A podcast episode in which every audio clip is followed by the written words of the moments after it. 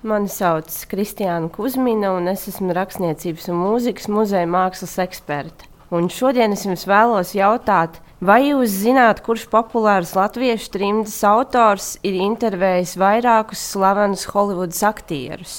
Stāstīšu jums par Anšlo Veglīti, kurš lielu daļu savas dzīves aizrāvās ar kino, filmām. Tā bija viņam ļoti tāda tuva interese. Un sākšu ar citātu no 1924. gada 24. aprīļa no Anšlova dienas grāmatas. Aizgājām vēl uz fórumu ar Bošu. Fórums tolaik bija kinoteātris. Nekā prātīga nebija. Divertisments šausmīgs.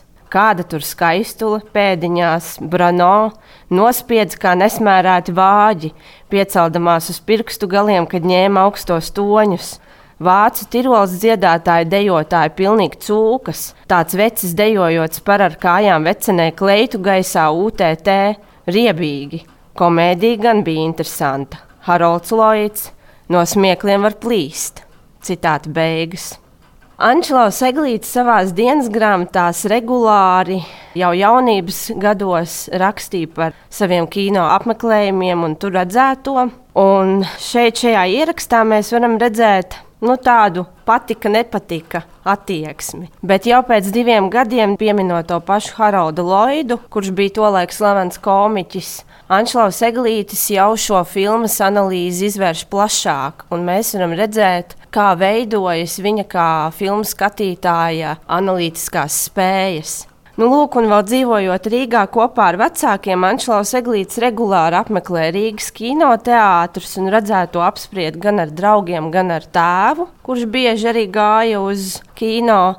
Un viņam laika gaitā veidojās pašam savs redzējums par kino pasauli, kas turpinājās un attīstījās. Un neizzuda arī tad, kad Anšlaus Eglītis jau dzīvoja Amerikā, kas bija viņa mītnes valsts.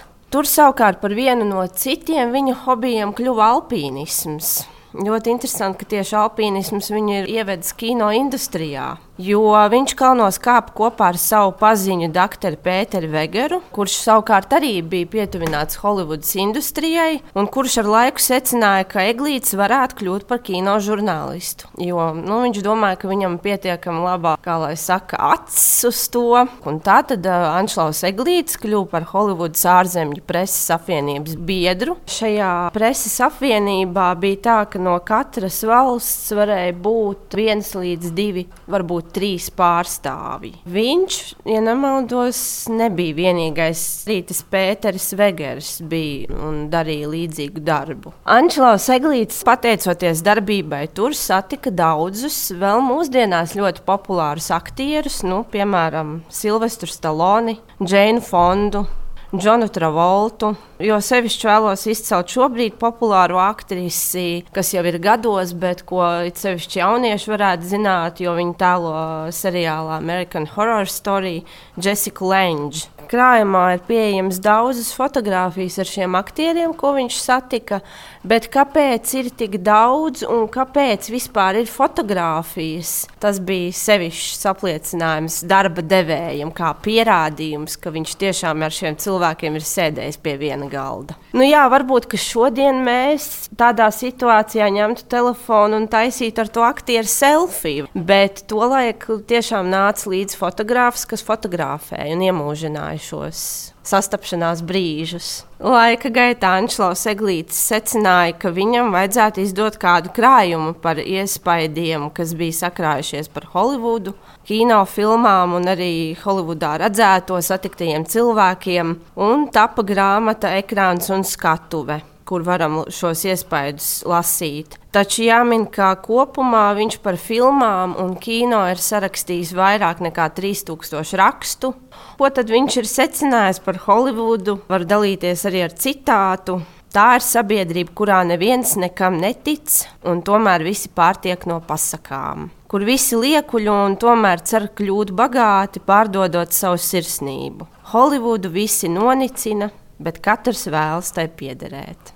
Es nezinu, vai Eglītis atklāja, ka viņš ir rakstnieks, bet uh, intervējot aktierus, ko varam lasīt krājumā atrodamajās piezīmju grāmatiņās, kas ir ļoti daudzas, atklājas gan filmu veidošanas aspekti, par ko viņš ir runājis gan ar aktieriem, gan ar režisoriem. Kā arī viņš ir centies saprast aktieru personības, aktieru psiholoģiju, režisoru darbu. Viņš ir piegājis arī no personiskā aspekta tam visam. Piemēram, ir intervija ar Džonu Voigtu, ja nemaldos, 70.